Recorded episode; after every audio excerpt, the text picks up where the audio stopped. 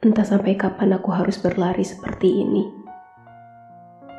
Jujur, rasanya membuatku lelah dan ingin mati. Entah, entah sampai kapan aku berjalan, berlari, dan akhirnya terjatuh.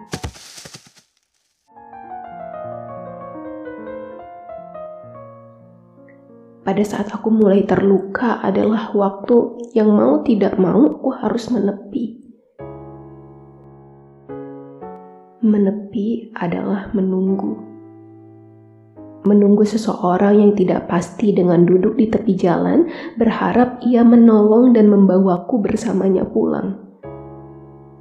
Aku baru sadar, harapanku seperti putri-putri dongeng hayalan hingga waktu dengan egoisnya terus berjalan. Satu jam, dua jam, tiga jam, satu hari, satu minggu, satu bulan. Dan seseorang itu tidak pernah datang Luka-luka ini sudah terlanjur infeksi, bahkan sakitnya sudah tidak bisa aku rasakan lagi. Hingga kuputuskan untuk melanjutkan perjalanan.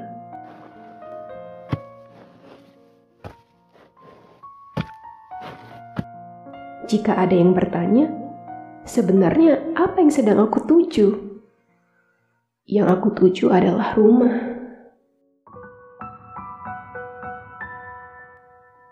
Namun aku bahkan tidak tahu lokasi persisnya itu di mana, arahnya harus ke mana, dan tempat itu seperti apa.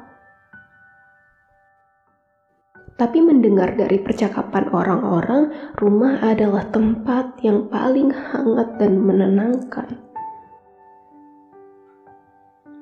Akhirnya aku memutuskan untuk mencarinya, walau sampai sekarang aku tidak menemukannya. Tapi setidaknya sampai saat ini aku masih terus berjalan untuk mencarinya.